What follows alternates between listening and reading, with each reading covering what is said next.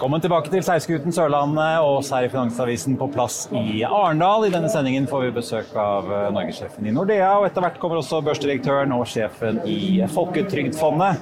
Vi får også tid til aksjetipset, der en eh, mye omtalt vekstaksje på Oslo Børs er eh, tema.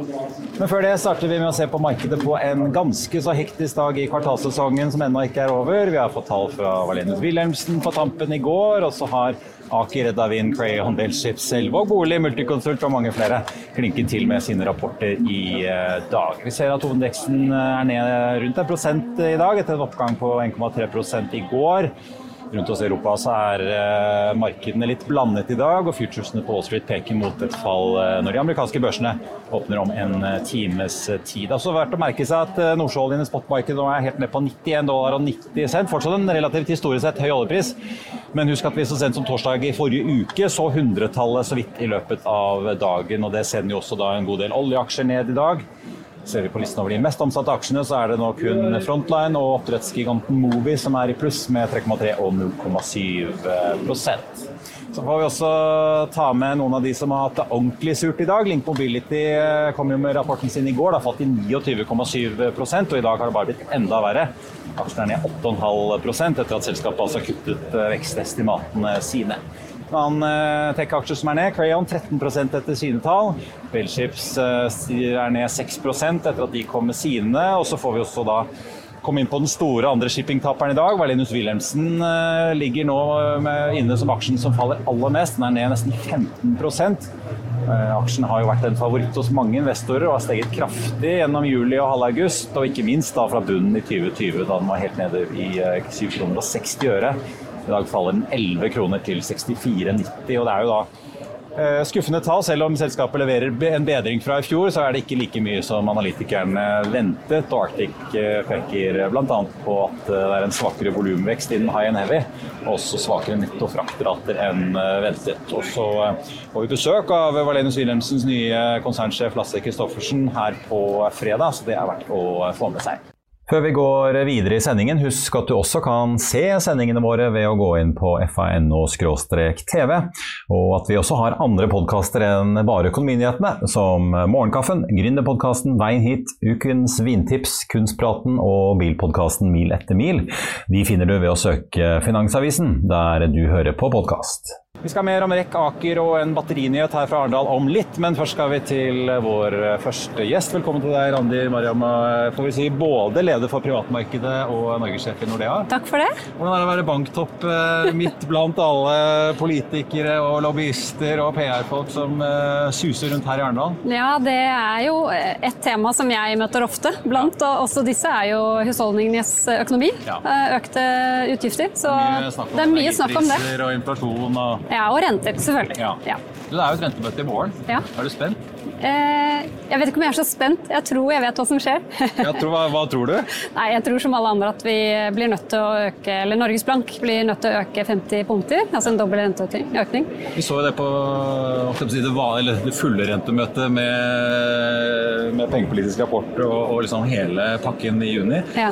Nå er vi jo på et mellommøte som jo vanligvis pleier å være en litt sånn non-event, egentlig. Hva sier det også om at eh, om på en måte økonomien og situasjonen og Norges Bank eh, tyr til det man egentlig kanskje ikke hadde ventet seg før SSB kom med disse inflasjonstallene for ikke så lenge siden? Ja, og det er kanskje det som er stikkordet. At hvorfor vi ikke er så spent, men har en eh, ganske sterk tro på at eh, man må øke 50 punkter. Det er jo pga. inflasjonstallene. Altså vi har altfor sterk prisvekst i Norge. eh, Altfor høy etterspørsel, og tilbudet er, møter det ikke. Og da er det etterspørselen som må ned, og det er forbruket vårt. og da må man sette opp eh, renten på kapitalen. Eh, Så som bank så sitter dere også og skal vurdere renter til eh, både bedrifts- og privatkunder. Sett det litt i perspektiv for at er det en veldig sånn litt sånn uforutsigbar og rar tid å også planlegge for dere? For dere skal jo både skulle på hva konkurrentene driver med, hva Norges Bank driver med, og hvordan kundene flytter på seg, og hva de krever?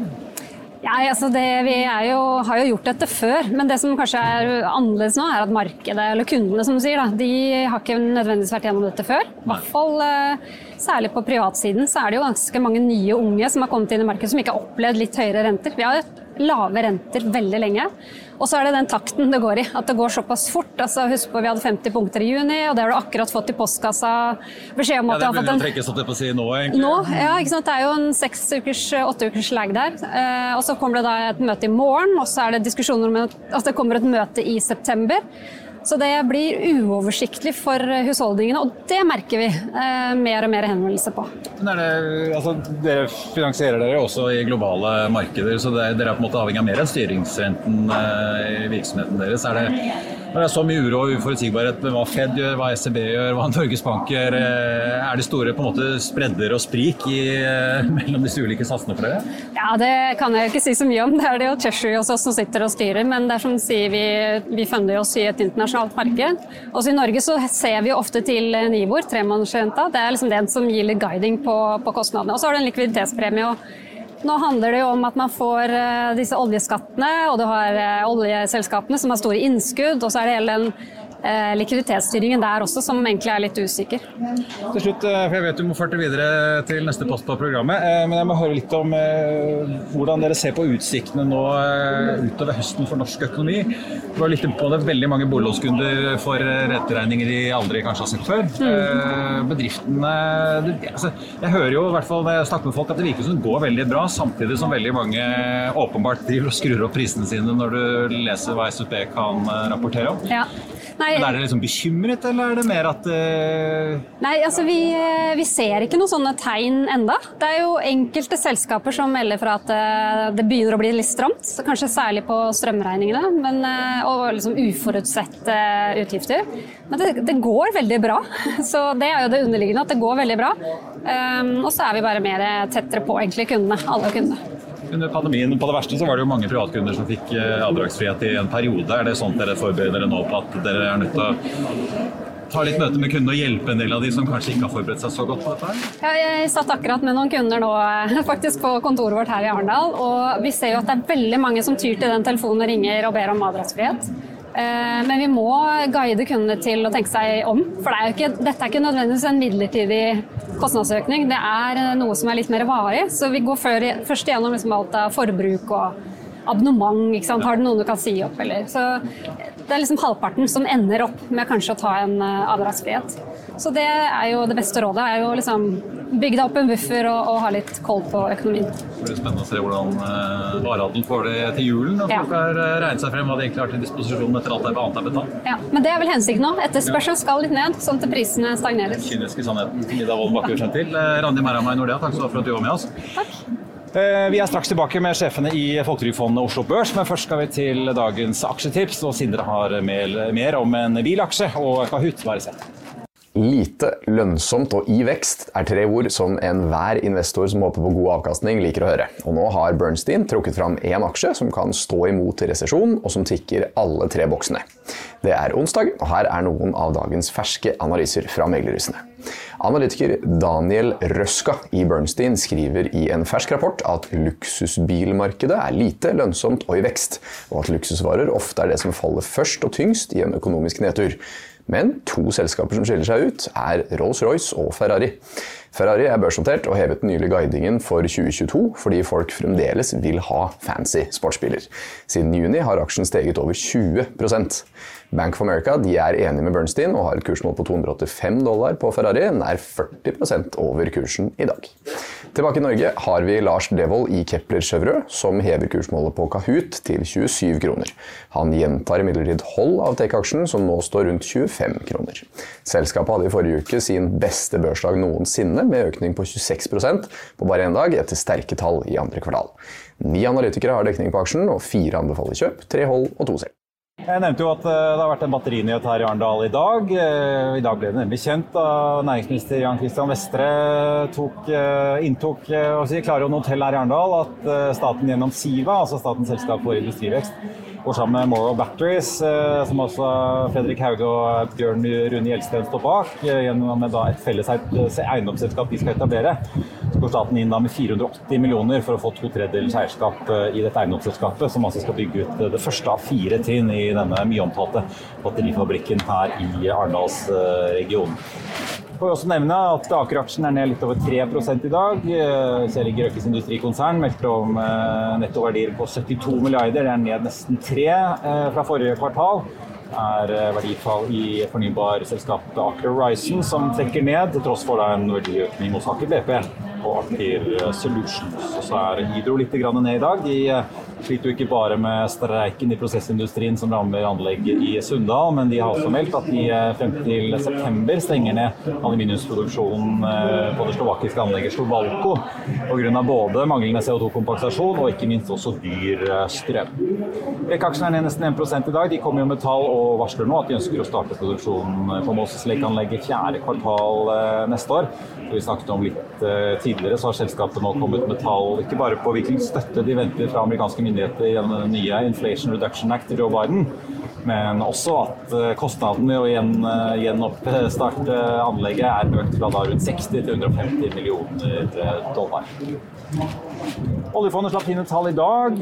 Fondet har nå en verdi sist vi sjekket på nettsiden på 12 332 milliarder. I første halvår derimot så forduftet det 1680 milliarder, eller 14,4% Det viste altså tallene fra Norges Bank litt tidligere i dag. Aksjeporteføljen falt med 17% mens renteporteføljen var ned 9,3 og mer om det får du på FAN. Da skal jeg over til gjestene jeg har fått besøk av eh, nå. Kjetil Haug, administrerende direktør i Folketrygdfondet, og Øyvind Amundsen, børsdirektør. Velkommen. Takk. Du, eh, dere to skal jo eh, i morgen delta på et arrangement som dere har kalt Selskapsreisen. Det kan jo bringe litt assosiasjoner til noe helt annet. Men Øyvind, fortell litt hva, hva handler dette om?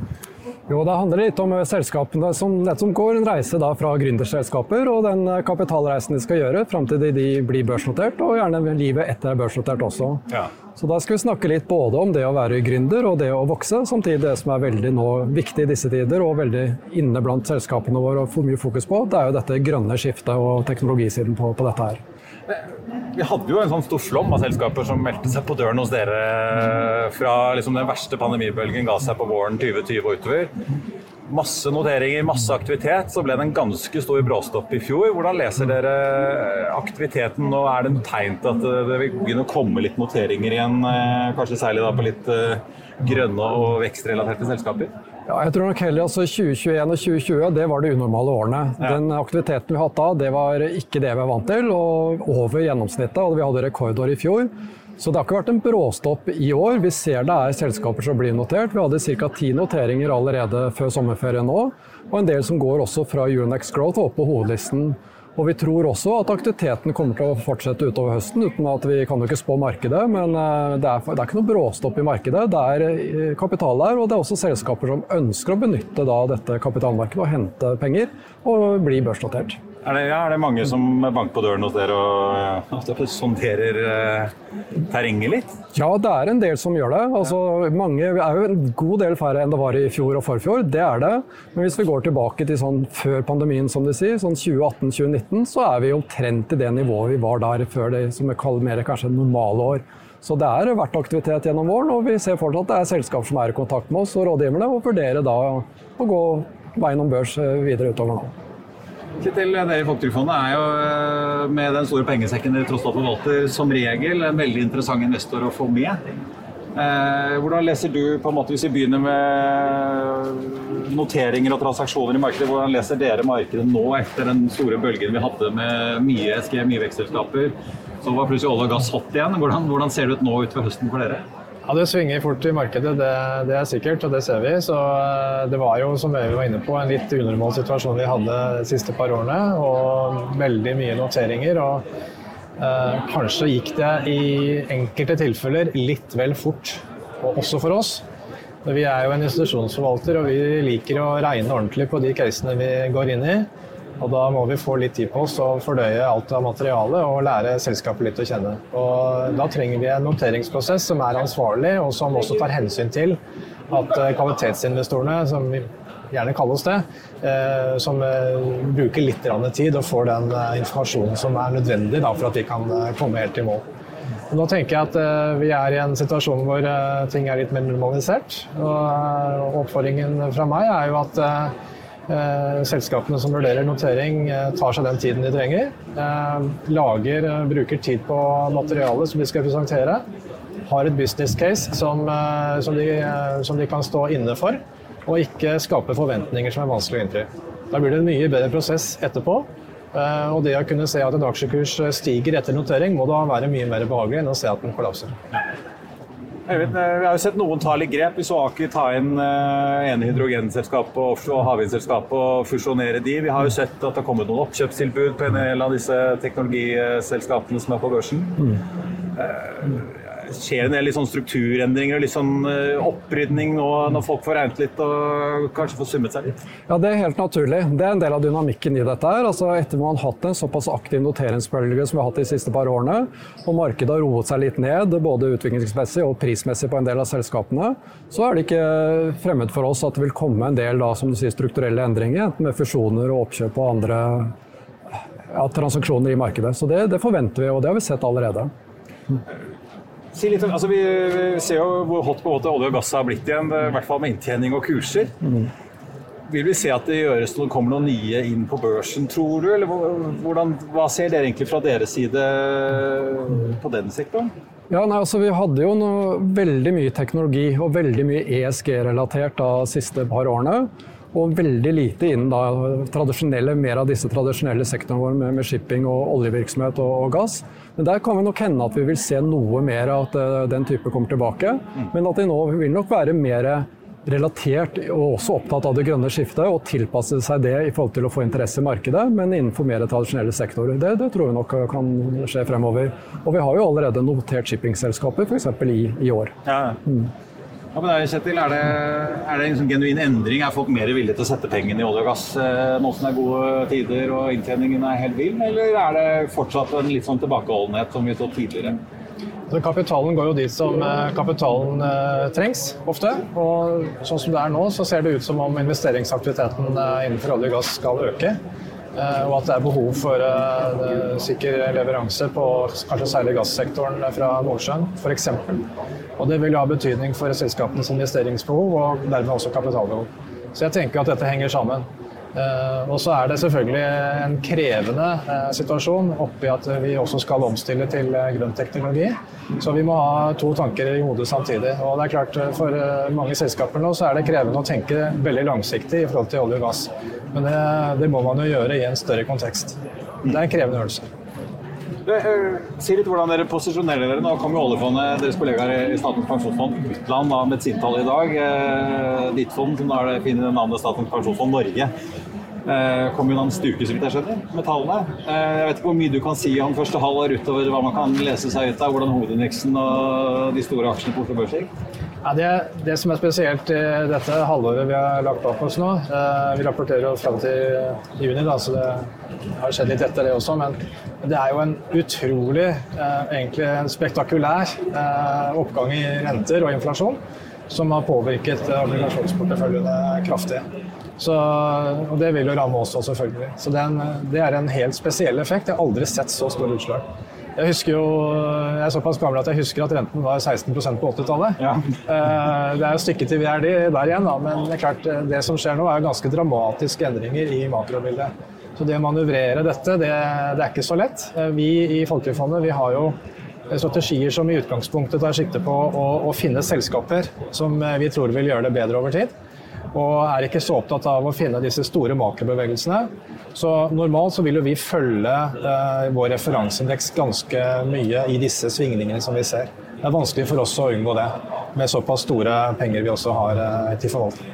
Men eh, hvordan på en måte agerer dere og posisjonerer dere da likevel når dere ser disse voldsomme utslagene? Vi hørte jo oljefondet tok noen grep. og og gi på en måte vridd om obligasjonsporteføljen sin, så de fikk litt kortere løpetid i hvert fall på vei inn i dette fallet. Dere har jo også en god del sektorer å velge mellom, selv om dere ikke gjøre akkurat hva dere vil eh, på Oslo Børs. Så kan dere jo, dere har jo på en måte sjømat, energi, det er fornybar, det er vekst og tech. Det er jo veldig store forskjeller i utviklingen i de segmentene. Det er det, og det har vært eh, store svingninger, og det skaper jo store muligheter også for oss som er aktive forvalter. Eh, de strategiene vi normalt bruker innenfor obligasjonsporteføljen, går jo på kredittområdet. Så det å se på obligasjoner som gir høyere løpende avkastning enn andre, og ut fra vurdere kredittverdigheten til ulike selskaper, Så det, der, der, har vi mange strategier, og, og, de vil jo normalt da ikke gjøre det spesielt godt i det markedet vi har bak oss. På aksjesiden så er vi opptatt av f.eks. dette med å finne kvalitetsselskaper som over tid gjør det bra. Det er en strategi som, som helt sikkert normalt vil fungere godt nå. Eh, det med å unngå overoptimisme, som vi også har eh, som en, som en aksjestrategi, det, det er jo noe som, eh, som periodevis er en viktig bidragsyter for oss. Da hadde vi jo veldig god uttelling i fjor, og sånn sett så er det kanskje ikke like stort potensial for det i år. Men det er klart at når du ser de svingningene som vi har sett nå, f.eks. energisektoren som har steget veldig kraftig, mens andre vekstsektorer har gjort det veldig svakt, så oppstår det muligheter for aktiv forvaltning. Ja. Oslo Børs er en veldig sånn spesiell børs tross alt, får vi si, i disse tider. Da. Vi gjør det jo tross alt ganske bra. Mye takket være da Equinor og de andre energiaksjene. Ja. Absolutt. og nå ser vi jo at energiaksjene er på vei tilbake. Og, og sånn sett så vil jo Oslo Børs også kanskje bli enda mer energitung fremover. Uh, og Det er jo noe vi også må ta med oss, at, at råvareprisens betydning for aksjeavkastningen i Oslo den, den er fortsatt høy.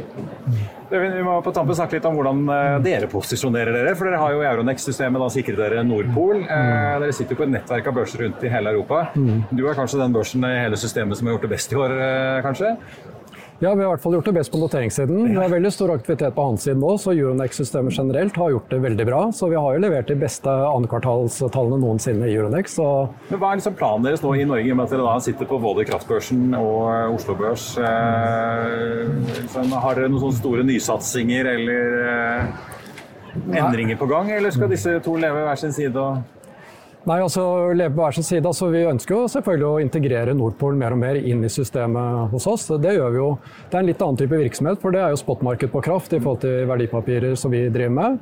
Men at vi prøver å dra synergier ut av det, det ønsker vi selvfølgelig å gjøre. Og gjøre de til en stor del av Euronex-familien, akkurat som Oslo Børs har blitt også. Så. Hvem er det dere er på uh, jakt etter, hvis vi kan si det? I morgen møter dere jo uh, bl.a. Autostore, North Atlantic og Aker Horizons, som jo er uh, tre av de veldig store noteringene vi har hatt eh, de siste par årene på Oslo Børs. Eh, er det sånne spesielle selskaper dere ønsker å få mer av på børsen fremover? Nei, altså Alle selskaper er velkomne hos oss, og vi, har, vi syns vi får en mye Den høflighetsfrasen må du nesten ta. Ja. ja. Jo, men det er ikke sånn at vi har enkeltselskaper vi leter etter. Vi skal jo være kapitalmarked, altså markedsplass for de selskaper som ønsker å notere seg og oppfylle vilkårene hos oss.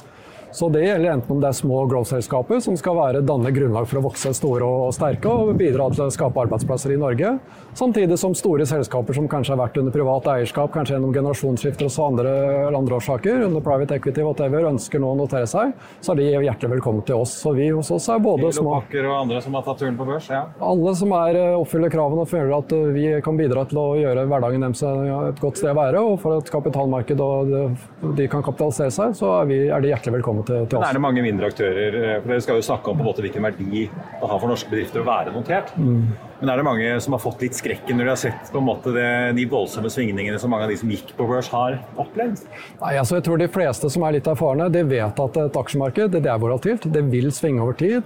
Og dette vi har sett nå, det er, eh, det er ikke noe nytt. Vi så det før Liman-krisen med shipping offshore-boomen den gang. Vi så det 1999-2000 med, med dotcom på at det vil være svingninger. Og det er som vi var litt inne på, at det er en dynamikk. Er det gode markeder for å hente kapital, så vil selskapene komme på, på børs og bruke det public-markedet til å hente penger. Er det andre tider, så vil man kjøpe selskaper av børs. og Det er litt av dynamikken som er der. Så vi skal være der både i oppadgående og nedadgående, og både sikre og usikre, sikre tider. Ja. Du vil fortsatt uh, kunne handle mer rundt i Norden, vet jeg? Ja, vi gjør gjerne det. Vi ser jo at uh, Oslo Børs uh, har gjort veldig framskritt når det gjelder å få si, mer mangfold da, blant selskapene og dekke flere sektorer. Men vi når jo ikke helt opp eh, på mange felt. Vi skulle gjerne hatt eh, litt mer trøkk på noen av de sektorene som, eh, som kanskje også er framtidsrettet. Vi er fortsatt tunge på råvaresiden og olje, gass, fisk osv. Har også sterke selskaper innenfor materialer og kommunikasjon, men vi mangler kanskje noen av de sektorene som vi ser dominerer verdensbildet ellers. Ja. Så det er, det er en Norden er jo et fantastisk univers, for da dekker du veldig mange ulike sektorer. Eh, plukker du ut Oslo, så blir det litt mer konsentrasjon på det. Så, sånn sett så tror jeg det blir en, eh, en veldig god portefølje å kunne investere også i, i flere land. Men for oss er det kanskje det aller viktigste at vi får fram norske selskaper som kan være med å dominere, også innenfor litt utypiske norske sektorer. Det hadde vært kjempebra. Vi får følge med. Vi har i hvert fall fått både robotlagerselskaper og litt langdistanseselskap og mange som prøver seg, så det er bra. Kjetil Hagen, Folketrygdfondet og Eivind Amundsen, børsdirektør, takk for at dere kom, og fortsatt god Arendalsuke, for si. Takk for det. Takk, like måte. Vi skal videre i sendingen, og det blir energi. Et tett tema her i Arendal. Litt tidligere i dag så fikk vi storfint besøk på seilbåten Bare se. Da skal vi ha en energiprat her i teltet vårt bak på seilskuten Sørlandet her i Arendal. Strømprisen får vi nesten nevne i dag her i Region Sør. 613 øre inklusiv avgifter. Ser vi på Region Østlandet med Oslo er den nå på 373. Så dere, vi befinner oss jo i da landets dyreste strømregion når vi nå er på plass i Arendal. Marianne Sivertsen Næss fra Arbeiderpartiet og får vi si relativt fersk leder av energi- og miljøkomiteen på Stortinget. Velkommen. Tusen takk. Og Tina Saltvedt, analysesjef for bærekraftig finans i Nordea. Takk skal du ha. Du, Dere to er jo veldig opptatte begge to. Tettpakkete kalendere her i Arendal. Men jeg tenkte først, Marianne, som politiker, hvordan er det egentlig å på en måte være politiker i denne tiden når vi ikke bare har dyre, pri, høye priser, men du ser liksom bedrifter og folk er jo ordentlig sinna og opprørt mange. Hvordan oppleves det når du sitter inne på Stortinget? Nei, det er klart det er ikke noe enkel oppgave. Det er krevende. Og jeg har forståelse for at det her preger folk sine liv, og at bedrifter som er avhengig av strøm som innsatsfaktor, har tøffe tider. Så eh, på den annen side så opplever jeg at det er også meningsfullt å være med på å jobbe for å finne både løsninger som kan avhjelpe husholdningen, som man nå har fått på plass denne strømstøtteordninga for husholdninger. Og så kommer det jo veldig snart en sak som går på hvordan man kan bistå bedrifter og næringsliv.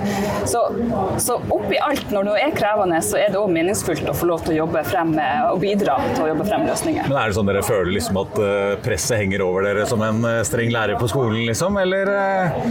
Det er klart det er tøffe tider. Det kan man ikke underslå. At det er krevende, ingen tvil. Og jeg har så stor forståelse for folk som er både utålmodige og prega, som sagt. Men eh, vi skal i hvert fall finne løsninger som står seg både nå, som kortsiktig med de strømstøtteordningene som vi har på bordet, men så må vi òg tenke på lang sikt hvordan vi kan unngå å havne i en samme situasjon i fremtida.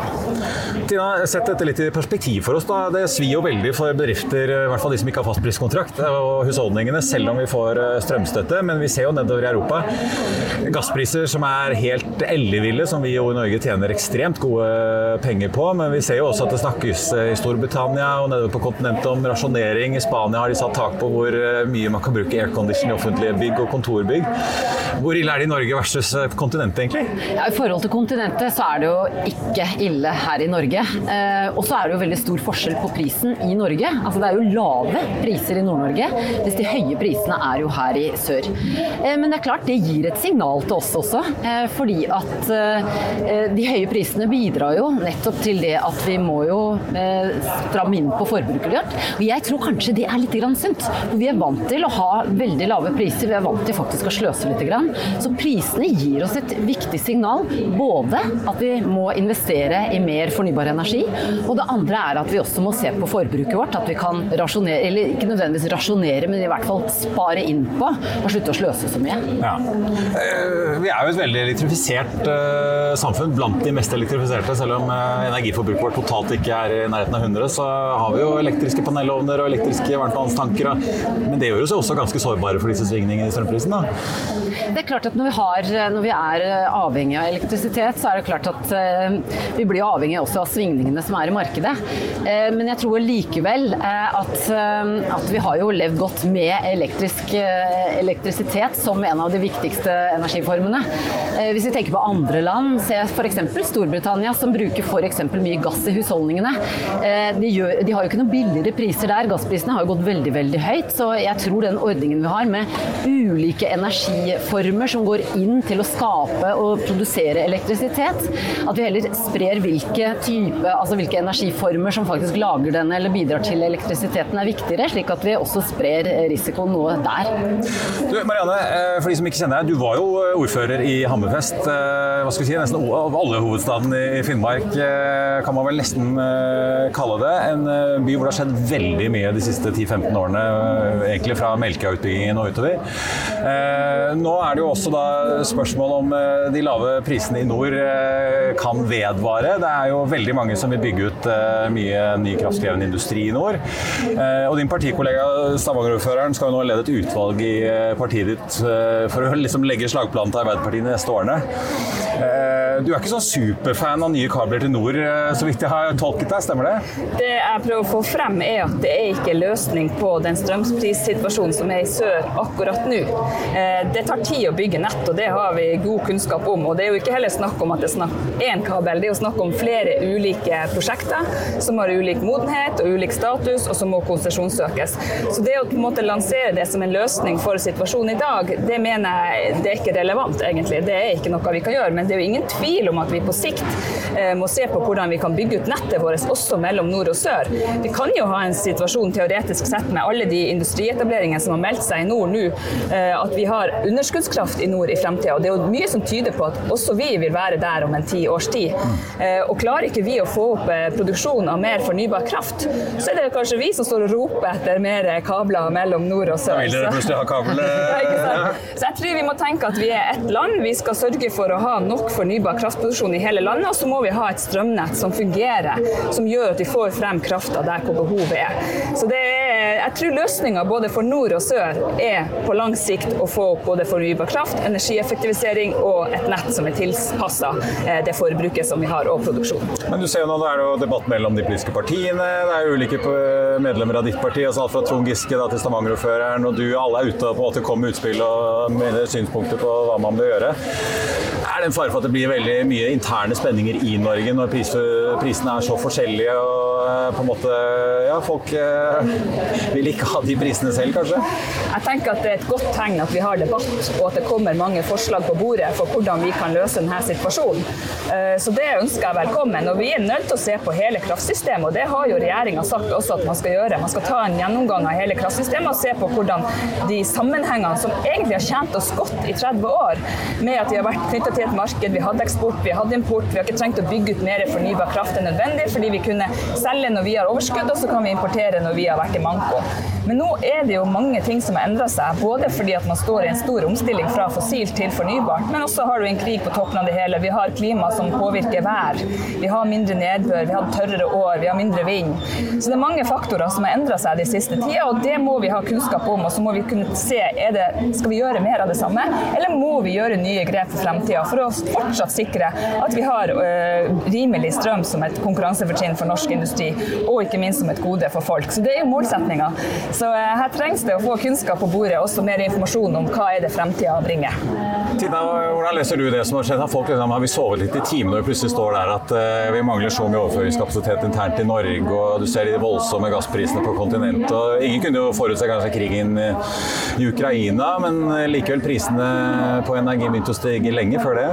Ja, altså jeg tror nok vi har sovet litt i timen, særlig når det gjelder overføringskapasitet mellom nord og sør. Det som skjedde i Ukraina, det kunne ingen forutsi. Men det har jo vært snakket om lenge, men det har ikke skjedd noe. Og det er jo derfor også at prisene gir et veldig viktig signal. Når de nå blir høye, så er det tydelig at strømforledningene går ikke, det er ikke effektivt nok. Så har vi jo ikke investert nok i fornybar energi. Og det er jo litt interessant, fordi de tegnene vi ser nå fra markedet, er jo at du har vel neppe sett så mange som investerer i solpaneler f.eks. på sine egne hjem. Så sånn sett så setter jo virkelig fart på den omstillingen som vi må igjennom. Så det er Nedbetalingstiden på solcelleanlegg har vel gått ned med noen år med den prisøkningen vi har fått? Ja. Absolutt. Så, men vi må jo også huske på eh, energipriser svinger ekstremt mye. Jeg har jo hatt mange år som oljeanalytiker. Jeg vet jo hvor vanskelig det er å forutsi de, og det kan det fremdeles gjøre. Eh, det kommer stadig sjokk i markedet som gir store svingninger, og det kan være like mye ned som opp. Så vi må huske på å være rustet for altså De investeringene vi gjør nå, de skal være på lang sikt. Eh, og så er det selvfølgelig en utfordring på kort sikt, men det langsiktige synet som du var inne på, det tror jeg er ekstremt viktig. På industrisiden så har vi jo Freyr i Mo i Rana som skal bygge batterifabrikk. Her i, på morgenkvisten fikk vi nyheten om at staten går inn med nesten en halv milliard og skal støtte uh, Fredrik Hauge og Bjørn Rune Gjelstenes Morrow Batteries her i Arendal uh, med sitt uh, første av fire produksjonslinjer på batterifabrikken. Men la oss snakke litt om, om på en måte energimarkedet. bare i år Tina, så har vi sett både Robert Habeck, den tyske klima- og økonomiministeren, og nå på mandag forbundskansleren selv, Olaf Scholz, suse opp til Norge for å snakke med norske politikere, som har blitt veldig populære om dagen. De snakker jo helt åpent om ikke bare at de ønsker seg mye mer norsk gass, men de må fyre opp kullkraftverkene hjemme. Og EU sier jo nå også at det er en rolle for norsk olje og gass også etter 2030. Eh, hvordan bør vi i Norge agere på dette her? Egentlig bør vi legge om og tenke at livet på sokkelen det kommer til å vare lenger enn det vi kanskje trodde? Altså Vi har klimamål vi skal nå her i Norge også. Og det er klart at EU ønsker å sikre hva de har behov for lenger frem. Eh, det vi må huske på er jo at vi skal ha en eh, energisektor som faktisk dekker altså, det fremtidige forbruket av forhåpentligvis mye mer fornybar energi. Slik at jeg er jo fremdeles redd for at eh, vi investerer for mye på sikt i olje og gass. For den dagen EU har investert såpass mye i fornybar energi at de blir mer selvhjulpne, står vi her da med investeringer som varer 20-30 eh, år eh, fremover i tid i det fossile. Hvem skal da ta det? Så vi må være med på den, den skiftingen som vi ser i resten av verden. Og så skal vi også huske på at olje- og gassektoren er jo den sektoren i Norge som slipper ut, har høyest utslipp. Og så Det jeg også er redd for, er at vi har nå låst mye kapital, vi har låst mye arbeidskraft og mye teknologi i olje- og gassektoren. Hvem skal drive det grønne skiftet her i Norge? Jeg vet at det starter to batterifabrikker nå, men likevel, prisen på f.eks. arbeidskapital, er vi konkurransedyktige ute? Jeg er skeptisk. Mm. Men den der endringen i formuleringen fra EU, de har jo aldri sagt at eh, de ser eh, så eksplisitt har de aldri sagt at de ser en rolle for norsk olje og gass etter 2030 før det har jo skjedd noe nede i Brussel, har det ikke det? Og definitivt. altså EU har jo et kjempeutfordring med å skaffe nok energi til å dekke eh, forbruket sitt på kort sikt. Men her må vi huske på dette er kort sikt. På mellomlang sikt så vil de jo ha investert mye mer. De har behov for norsk gass i mange år fremover, det er ikke det. Men vi snakker her om veldig lang sikt, fordi at de investeringene gjør på norsk sokkel nå, altså de kommer ikke i produksjon før om ti år i snitt. Eh, det er på et tidspunkt som verdens oljeforbruk gassforbruk skal begynne å falle. I hvert fall oljeforbruket. Men kommer EU til å kjøpe gass fra Russland om ti år? Nei, men forhåpentligvis så har de jo funnet noe som er enda renere. Det er jo hele, hele ønsket her nå. At de virkelig klarer Før jeg går til Marianne, Ser du noe tegn nå med det vi ser i Europa og det voldsomme altså de, de begynner jo å fyre opp kullkraft og omtrent eh, bruker olje for å lage strøm, virker det til tider som, eh, i ren desperasjon. Er det noen endringer i kapitalstrømmene tilbake mot olje og gass? Eh, vi hører litt sånne anekdotiske rapporter fra Midtøsten om at der er det full fart i mange av de statskontrollerte olje- og gasselskapene. Mens vi ser på Equinor og de vestlige, så virker det ikke som det er like stor appetitt på å øke investeringene. Hva ser du? Nei, altså det har du helt rett i. I noen på veldig kort sikt nå så har jo prisene på fossil energi gått opp, bl.a. olje og gass. Det er klart at det tiltrekker seg også investeringer på kort sikt.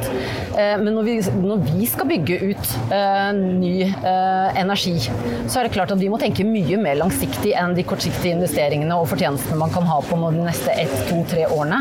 Og så er det viktig også å huske på at EU nå er ute etter å få dekket spesielt den krisen som var i fjor, eh, i starten av fjor og, og, fortsetter innover i år og kanskje neste år. De er veldig veldig kortsiktig, så de investeringene vi gjør nå, de vil jo ikke dekke det energibehovet uansett. Så de er jo ute etter å få dekket den krisebehovet først og fremst, og så på lengre sikt så ser vi at de virkelig har skrudd opp tempoet på det grønne skiftet. Marianne, eh, du har jo vært i debatt her om eh, Wisting-feltet i Barentshavet denne uken. Eh, Det er jo en veldig spenning. Veldig mange er veldig kritiske i dette, særlig miljøbevegelsen. Andre er kjempefornøyd med at det investeres og skapes så mye verdier i olje- og gassektoren. Det er jo et flom av nye prosjekter som kommer nå utover høsten. Men sånn etter slutten av 2020-tallet så har vi jo ikke så mye mer å bygge ut i Norge. Hvordan leser du det EU kommer med? Åpne et rom for at vi skal holde på lenger, eller? Ja, Vi er i hvert fall tydelige på at vi skal være en langsiktig og forutsigbar og, og, og en partner som man kan stole på når det gjelder energi. Og da er det jo som du sier, EU har jo vært tydelig nå i det siste på at vi trenger norsk olje og gass. Og så er det nok gassen som har den lengste levetida i dette bildet, det er det ingen tvil om. Og man kan jo også, eh, her er jo flere prosjekter på gang som går på å avkarbonisere naturgassen og ta over til blått hydrogen eller blå ammoniakk. Så her er jo et langsiktig og bærekraftig løp også for eh, gass. Men så er det jo også sånn at vi i Norge produserer jo både norsk olje og gass med lavere utslipp enn andre land i gjennomsnitt. Så det er jo noe med også hva er det markedet kommer til å ha behov også etter 2050 for olje og gass. Så eh, vi er i hvert fall tydelige på at vi skal fortsette å utvikle og ikke avvikle denne næringa. Ja. Så er jo den famøse havvindsatsingen. Nå er det jo snakk om trålvind til Equinor, kanskje. Utsira nord, Sørlige Nordsjø. Så får vi jo se da, om det blir en auksjonsmodell som jeg vet bransjen helst ikke vil ha, virker det som. Men eh, hvordan leser du på en måte det politiske hverandre? Vil det bli åpnet masse mer områder relativt fort, eller, eller, dra, ja, eller vil det dra ut i tid, tror du? Nei, Man har jo allerede bedt NVE i februar i år, tror jeg, så ba man NVE starte jobben med å identifisere nye områder som kan egne seg for havvind. Så tar jo det selvfølgelig litt tid, og man skal gjøre det skikkelig. For man skal jo vite at det her kan fungere i sameksistens med andre næringer. Det er jo et vesentlig prinsipp som ligger til grunn. Også det med natur- og miljøhensyn skal veie tungt. Men uh, vi er klar på at uh, hvis ting går sånn som det ligger an i løypa nå, så skal man kunne ha en større utlysning i 2025 allerede når det gjelder havvind. Det virker jo eh, nesten, eh, hvis du leser hva en del av disse store aktørene som Equinor og andre som driver og investerer i havvind, så virker det nesten som de Det står ikke på kapitalen at det er nesten mer sånn at de mangler eh, nok prosjekter å sette pengene i. I hvert fall prosjekter som gir god nok avkastning. Det, leser du det sånn fortsatt? Altså, hvis man ser på interessen blant investorer for grønne prosjekter, gode grønne prosjekter, så er den kjempestor. Og vi ser også økt interesse fra utlandet. Så det er helt klart at dette med nye, gode norske prosjekter, det, det skal man jo lete litt etter. Og så er det jo ikke altså, Jeg tror ikke kapital så langt har ikke vært eh, en utfordring på de gode prosjektene for det. Men det kan jo være andre faktorer. Én ting vi var inne på, har vi, har vi riktige folk som kan arbeide i disse sektorene? Har man nok tilgang på arealer? Det har heller vært det. Tilgang på kraft, f.eks. Eh, heller den type spørsmål enn nødvendigvis eh, kapital. Du dere, Vi kunne sikkert stått her en halvtime til. Det er et tema som Eh, med flerfoldige sider og eh, spørsmål vi kan ta opp. Eh, men dere må løpe videre til neste post på programmet. Takk skal dere ha. Marianne Sivertsen Næss, leder av Energi- og miljøkomiteen, og Tina Saltvedt, analysesjef for bærekraftig finans i Nordea. På tampen av sendingen så tenkte jeg skulle gi dere en liten oppdatering på markedet akkurat nå. Hovedveksten på Oslo Børs ned 1,1% til 1252 poeng. Link Mobility, som hadde sin verste børsdag noensinne i går, ned 29,7 faller nye 8,4 i dag. Da altså etter denne kvartalsrapporten i går, der selskapet kuttet eh, vekstutsiktene sine videre. REC-aksjen den har nå bikket over i pluss, opp en halv prosent etter kvartalsrapporten eh, som kom i eh, morges. Der kommer selskapet med oppdateringer da særlig rundt Moses Lake-fabrikken, men også verdt å nevne at de venter litt lavere resultater fra anlegget sitt i Montana for eh, silisiumgass bl.a. I Moses Lake så venter de en oppstart i fjerde kvartal neste år. Prislappen for å få dette anlegget i gang har økt fra det forrige estimatet på rundt 60 millioner dollar, nå opp til 150, men det var likevel lavere enn det noen analytikere hadde lagt til grunn. Og så får vi også ta med at REC-ledelsen sier at de nå har en intensjonsavtale med den sørkoreanske storaksjonæren Hanba om at de skal eh, være kunde for all produksjon av silisium fra Moses Lake, og at de nå skal forhandle om de endelige vilkårene i denne avtalen eh, fremover. Og den aksjen da altså opp en halv eh, prosent i dag. Valenius Wilhelmsen Bilkraft- og logistikkrederiet har sin fjerde verste børsdag noensinne i dag. Det er kvartalsrapporten som kom like etter børsslutt i går. Aksjen er ned nå 14,7 i Finansavisen i morgen så skriver Trygve om statlige diettpenger på bar. Eh, det er altså et sitat fra finansminister Trygve Slagsvold Vedum om Arendalsuken. Eh, så mer om det kan du altså lese i avisen i morgen. Så kan du lese om næringsminister Jan Christian Vestre, som forteller mer om hvorfor han og staten altså blar opp en halv milliard kroner i støtte til eh, Bjørn Rune Gjelsten og Fredrik Hauges batterifabrikk her i Arendal Morrow. Så kan du lese om hvorfor Danske Bank venter en svakere krone fremover, og så blir det selvfølgelig masse mer stoff om alle kvartalsresultatene som har kommet i dag. Det var det vi hadde for deg på denne dag tre av Arendalsuken onsdag 17.8. Vi er tilbake igjen i morgen her fra seilskuten Sørlandet 9.45. Da får vi besøk av Akers konsernsjef Øyvind Eriksen. Og i 14.30-sendingen så eh, får vi eh, også besøk med oss på link, får vi si, NRC Group, som skal ha sin eh, kapitalmarkedsdag. Mer om hva som rører seg her under Arendalsuken og i markedene generelt, det får du som alltid på fa.no. Mitt navn er Marius Thorensen. Takk for at du så eller hørte på, og så håper jeg vi ses igjen i morgen.